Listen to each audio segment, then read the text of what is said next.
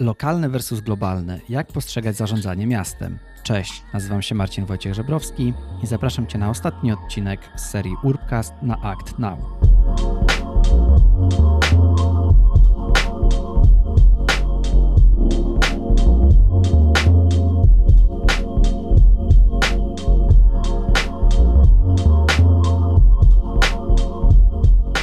Cześć w czwartym i ostatnim odcinku serii Urbcast na konferencji Act Now, który nagrałem podczas konferencji Act Now Mayors Conference 2022. Jest to taka konferencja burmistrzów organizowana przez The Innovation in Politics Institute, czyli tłumacząc na polski Instytut Innowacji w, w Polityce, którego byłem patronem medialnym, dzięki czemu miałem właśnie okazję być na początku maja w Stuttgarcie i porozmawiać z różnymi ciekawymi osobami na temat właśnie tego, jak zarządzać miastem w takiej lokalnej skali, ale mając na uwadze ten globalny kontekst. I taki też dzisiaj jest właśnie temat tego odcinka, a zarówno jego tytuł, czyli lokalnie versus globalnie, jak postrzegać zarządzanie miastem. Moją dzisiejszą gościnią jest Katarzyna Gruszecka-Spychała, która jest wiceprezydentem Gdyni do spraw gospodarki. I właśnie o te takie dwie perspektywy mm, panią Katarzynę dzisiaj zapytałem. Porozmawiamy m.in. o tym, czy zadania w ratuszu dotyczące gospodarki są właśnie bardziej lokalne czy globalne, czy skala miejska pozwala zredukować złożoność różnych spraw, skąd czerpać inspiracje do lokalnych innowacji w miastach, a także jaki projekt ma szansę odmienić oblicze Gdyni właśnie z perspektywy pani Katarzyny.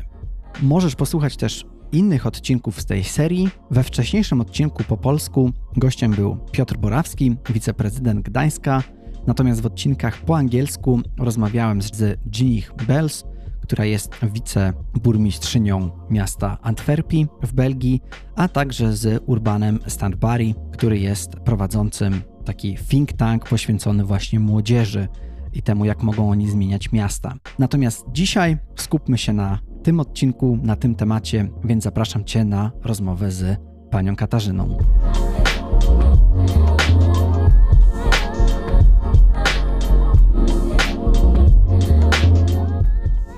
Kolejnym odcinku Urbcastu na konferencji Act Now rozmawiam z Katarzyną Gruszecką-Spychałą, która jest wiceprezydentem do spraw gospodarki w Gdyni. Dzień dobry. Dzień dobry. Cieszę się, że mamy okazję się tutaj spotkać w Stuttgarcie no i porozmawiać właśnie na tym, jak przede wszystkim prezydenci, prezydentki miast mają okazję rozwiązywać różne wyzwania, które w obecnych czasach mamy.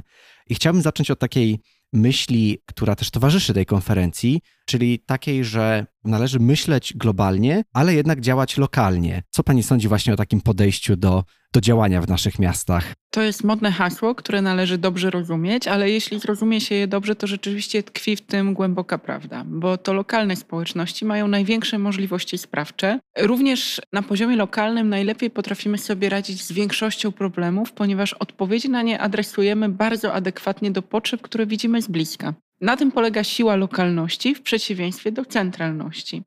Natomiast nie możemy zapominać również o tym, że żyjemy w globalnej wiosce. I o ile podczas pandemii pojawiły się liczne głosy, że globalizm zostanie powstrzymany, że ten wielki megatrend, który towarzyszy nam od lat, właśnie umiera, no to życie pokazuje, że jednak nie do końca tak jest.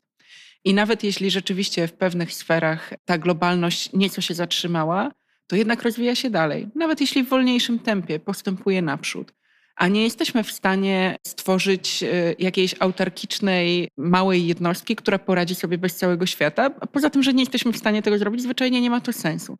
Więc rzeczywiście obserwowanie globalnych trendów, uczestniczenie w pewnej globalnej wymianie, ale jednocześnie bardzo lokalne podejście zarówno do rozwiązywania problemów, jak i do patrzenia na wyzwania i programowania przyszłości, moim zdaniem jest najlepszym połączeniem. Jeżeli z tyłu głowy będziemy mieli te megatrendy i to, co obserwujemy jako pewną spójność dla całego świata, albo przynajmniej większej jego części, która z jakiegoś powodu jest dla nas adekwatna, a planować będziemy lokalnie, to jest to w moim przekonaniu idealne połączenie. Niestety trudne w praktyce, no ale mm, praktyka czyni mistrza. Organizator tej konferencji, Matis Dipon, z którym też miałem przyjemność porozmawiać, mówi, że właśnie takie myślenie na takim poziomie lokalnym jest o tyle korzystny, jest o tyle efektywny, bo pozwala zredukować jakby złożoność różnych spraw. I tutaj chciałbym odnieść to też do Pani zadań, bo Pani zajmuje się różnymi zadaniami w skali zarówno lokalnej i globalnej. Przynajmniej tak to rozumiem, bo taką bardziej lokalną kwestią można nazwać na przykład gospodarowanie e, budynkami w zasobie miasta,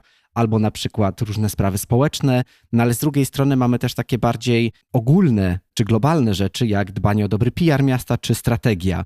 Czy pani również myśli właśnie o, o, tych zadaniach, które przed panią stoją w takim kontekście lokalnym i globalnym, czy może jest to jakiś inny klucz? Dla mnie mimo wszystko te zadania są lokalne. One bardzo mocno koncentrują się na moim mieście, które jest wspólnotą lokalną i oczywiście mogą, a nawet powinny wywierać szerszy wpływ. Ale mimo wszystko ja staram się trzymać myśli o tym, że powinnam działać dla mojej Gdyni, blisko mojej Gdyni i w bliskiej kooperacji z jej mieszkańcami. Rzecz jasna, jeżeli mówimy na przykład o pozyskiwaniu inwestorów, w szczególności zagranicznych, no to rzeczywiście, jeżeli będę się rozglądać tylko w granicach własnego miasta, to prawdopodobnie niewiele zdziałam, bo po pierwsze w ogóle tych inwestorów nie dojrzę, a po drugie już na pewno nieprawidłowo zdiagnozuję ich potrzeby, w związku z tym nie będę w stanie stworzyć warunków, którymi byliby zainteresowani. Więc w tym kontekście miałby Pan rację, że rzeczywiście występują takie działania, które wymagają tego szerszego spojrzenia. Ale mimo wszystko ja wszystkie je obliczam na ten lokalny efekt. Także nawet jeśli podejmuję działania, które są zdecydowanie szerzej adresowane niż do mieszkańców Gdyni, to traktuję to jako narzędzie dla zrobienia tego, co chcę zrobić w moim mieście. Natomiast nie ukrywam, że zdarzają się wyzwania globalne i takim jest na przykład dla mnie wojna w Ukrainie. Nie wyobrażam sobie, żeby osoby, które mają pewną możliwość mówienia głośniej i szerzej niż przeciętny mieszkaniec miasta, nie korzystały z niej w tej chwili. Także lokalnie staram się świadczyć każdy rodzaj pomocy uchodźcom, którzy przybywają do naszego miasta, jak również mieszkańcom, którzy im pomagają, bo oni również tego wymagają. Ale globalnie jestem na przykład w Stuttgarcie i opowiadam o tym, co należy zrobić i co jest obowiązkiem burmistrzów na całym świecie, po to, żeby powstrzymać tę niezwykle zagrażającą w moim przekonaniu całej Europie sytuację. Byliśmy właśnie też świadkami jednego z paneli tutaj, gdzie między innymi burmistrz Wilna opowiadał o tym, jak bardzo ważny jest głos właśnie kogoś, kto działa w skali miasta, bo jest to jednak, myślę, że bardzo istotne, że miasta przemawiają jakby swoim głosem i tego przykładem była też petycja, która została podpisana przez ponad 200 burmistrzów, burmistrzyń odnośnie zamknięcia przestrzeni powietrznej nad Ukrainą w obliczu tej wojny, która tam się dzieje. I proszę powiedzieć, czy właśnie to, że mówimy o skali miast, czy to nam daje właśnie dodatkowe narzędzia do tego, żeby zmieniać to, co się dzieje na świecie? No bo wydaje mi się, że rzeczywiście, tak jak już wspominałem, to redukuje w pewnym sensie jakąś taką złożoność tych wszystkich spraw, no bo to, co nas otacza w naszym mieście lokalnie, jest też dużo bardziej namacalne. W mieście na pewno widać ostrzej i to być może powoduje, że łatwiej zajmować dość radykalne stanowiska. Z burmistrzem Wilna mieliśmy taką przygodę na największych w Europie targach inwestycyjnych w Cannes, gdzie wystąpiliśmy na stoisku, które miało być ukraińskie. No i w zasadzie było, ale oczywiście wyglądało inaczej niż stoisko Kijowa wyglądało zazwyczaj. I nawet na wydrukowanych plakatach kreśliliśmy takie napisy jak conflict, czy hard situation, czy dramatic situation i zastępowaliśmy je angielskim słowem war. Głośno mówiąc do licznie zebranej, muszę przyznać publiczności, że to jest właśnie wojna i tego słowa należy używać i należy również podejmować działania, które wojnie przeciwdziałają, Muszę powiedzieć, że w krajach położonych bardziej na zachód niż Polska, a było to w marcu, czyli jeszcze troszeczkę wcześniej niż teraz, było to działanie dość szokujące i taka odezwa do świadomości również zadziwiająca naszych kolegów z tych bardziej zachodnich krajów. Myślę, że ten list, który się wydarzył, jest przykładem wielkiej przemiany. Ja nie robię sobie nadziei, że on doprowadzi do jakiegoś istotnego politycznego skutku, a już na pewno nie doprowadzi, to wiemy z pewnością, do zamknięcia nieba nad Ukrainą. Natomiast wydaje mi się, że to, że podpisało go ponad 250 burmistrzów z, całego, z całej Europy, świadczy o tym, że są przekonani, że mają pewien mandat, którego nawet nie nazwałabym politycznym, ale społecznym, do tego, aby zabierać głos w bardzo ważnych sprawach międzynarodowych. I to jest moim zdaniem trend zupełnie nowy, coś, czego kiedyś nie było. Obok tej lokalności, którą staramy się hołubić i w której widzieć największe dobro naszej pracy, widzimy, że zaufanie, którym obdarzają nas mieszkańcy, pozwala nam także zabierać głos w sprawach, które są ważne dla społeczności globalnej. I szczerze mówiąc, myślę, że rację miał słynny Barber, który kiedyś napisał książkę o tym, że gdyby burmistrzowie rządzili światem, to ten świat by mlekiem i miodem płynął. Oczywiście nie wszystkie tezy z jego książki się sprawdzą, natomiast prawdą jest to, że coraz bliżej nam do wiązania naszej tożsamości raczej z naszą wspólnotą lokalną niż z szerzej pojętą, na przykład tą państwową, a to z kolei sprawia, że liderzy tych lokalnych e, społeczności mają coraz więcej do powiedzenia. Oczywiście w tym, jak zwykle w życiu, jest zarówno szansa, czy też wyzwanie, jak i pewne zagrożenie. Dlatego, że im bardziej będziemy się skupiać na tych wyzwaniach globalnych, tym trudniej będzie nam być tak blisko lokalności, co do tej pory postrzegaliśmy jako największą wartość.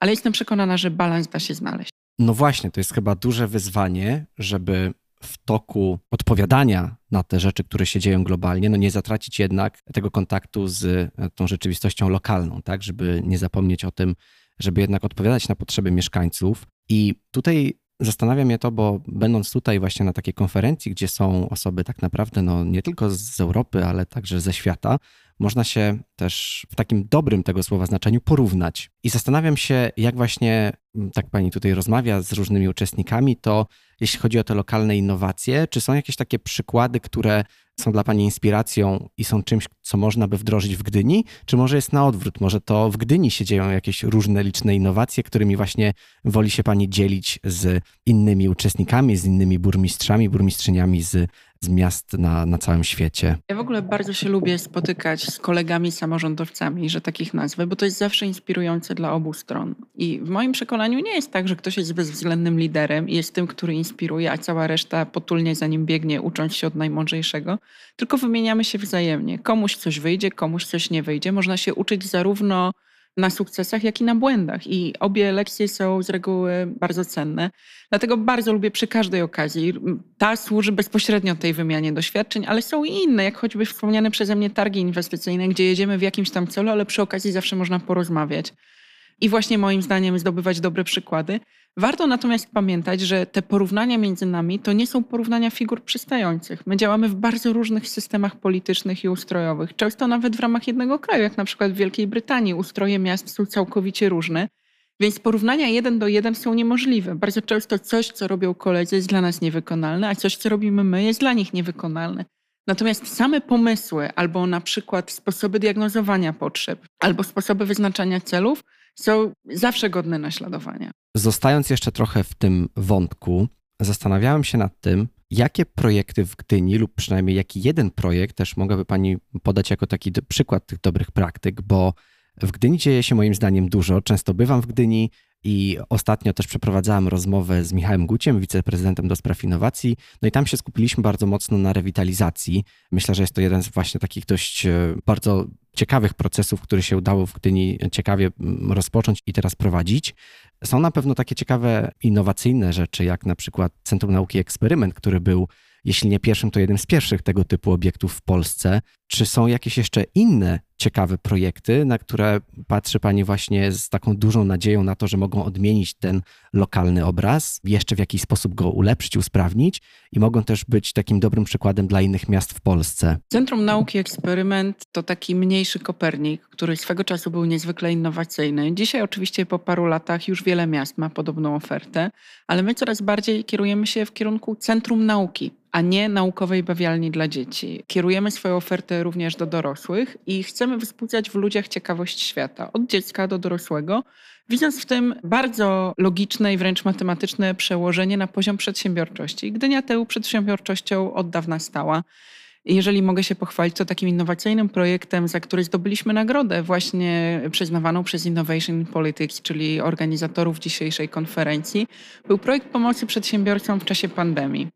To był pierwszy raz chyba w historii naszego miasta, kiedy postanowiliśmy rozdawać nie tylko wędkę, ale i rybę, bo sytuacja była bardzo wyjątkowa i ryby wymagała, ale jednak nie zaniedbać wędki. I oferowaliśmy zaawansowane usługi doradcze, wychodząc z przekonania, że przedsiębiorcę w kryzysie często nie stać na taką usługę, a z kolei ona może być dla niego absolutnie krytyczna i pomóc mu wyjść z tej trudnej sytuacji, a powtórę może nie mieć kompetencji, żeby sam ocenić, komu zaufać. Braliśmy to na siebie, zarówno koszt, jak i ciężar wyboru właściwego doradcy, który na pewno doradzi słusznie, a nie wręcz przeciwnie. W tej chwili również rozwijamy bardzo wiele projektów dla przedsiębiorców. Mocno stawiamy na aktywizację zawodową kobiet, bo to ciągle jest pięta achillesowa w Polsce, ale bardzo mocno również działamy z programem dla firm rodzinnych.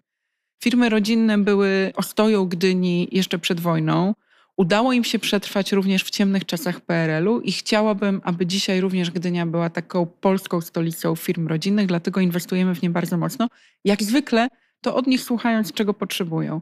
Rolą samorządu jest przede wszystkim nie przeszkadzać, i to jest podstawa. Jeżeli uznamy, że osiągniemy taki poziom, to warto jest stwarzać korzystne warunki. Nie robić czegoś za kogoś, bo przedsiębiorca i tak potrafi zrobić lepiej od nas swoją robotę, ale stworzyć mu jakieś korzystne warunki, które usuną mu jedną czy dwie bariery spod nóg. Podoba mi się to podejście, że przedsiębiorca to nie jest w żaden sposób wróg, tak? tylko to jest, to jest osoba, która rzeczywiście może się przyczynić swoją przedsiębiorczością, zaradnością, prowadzeniem swojego biznesu też do rozwoju swojego miasta, tak? no, bo, no bo w końcu tym bogactwem z miastem, płacąc podatki, ale nie tylko, może się dzielić. Bardzo inspirujące jest e, to, co pani mówi i z racji oczywiście też, no niestety takiego krótkiego formatu, ja chciałem zadać jeszcze dużo więcej pytań, ale poprzestanę na tym, że jest miło, że się mogliśmy tutaj spotkać i myślę, że do wątku Gdyni w tym podcaście na pewno będę jeszcze wracał, także dziękuję, że ten wątek mogła pani tutaj wzbogacić. Bardzo serdecznie dziękuję za rozmowę. Ja o moim mieście kocham opowiadać, więc przy każdej kolejnej okazji chętnie zrobię to powtórnie.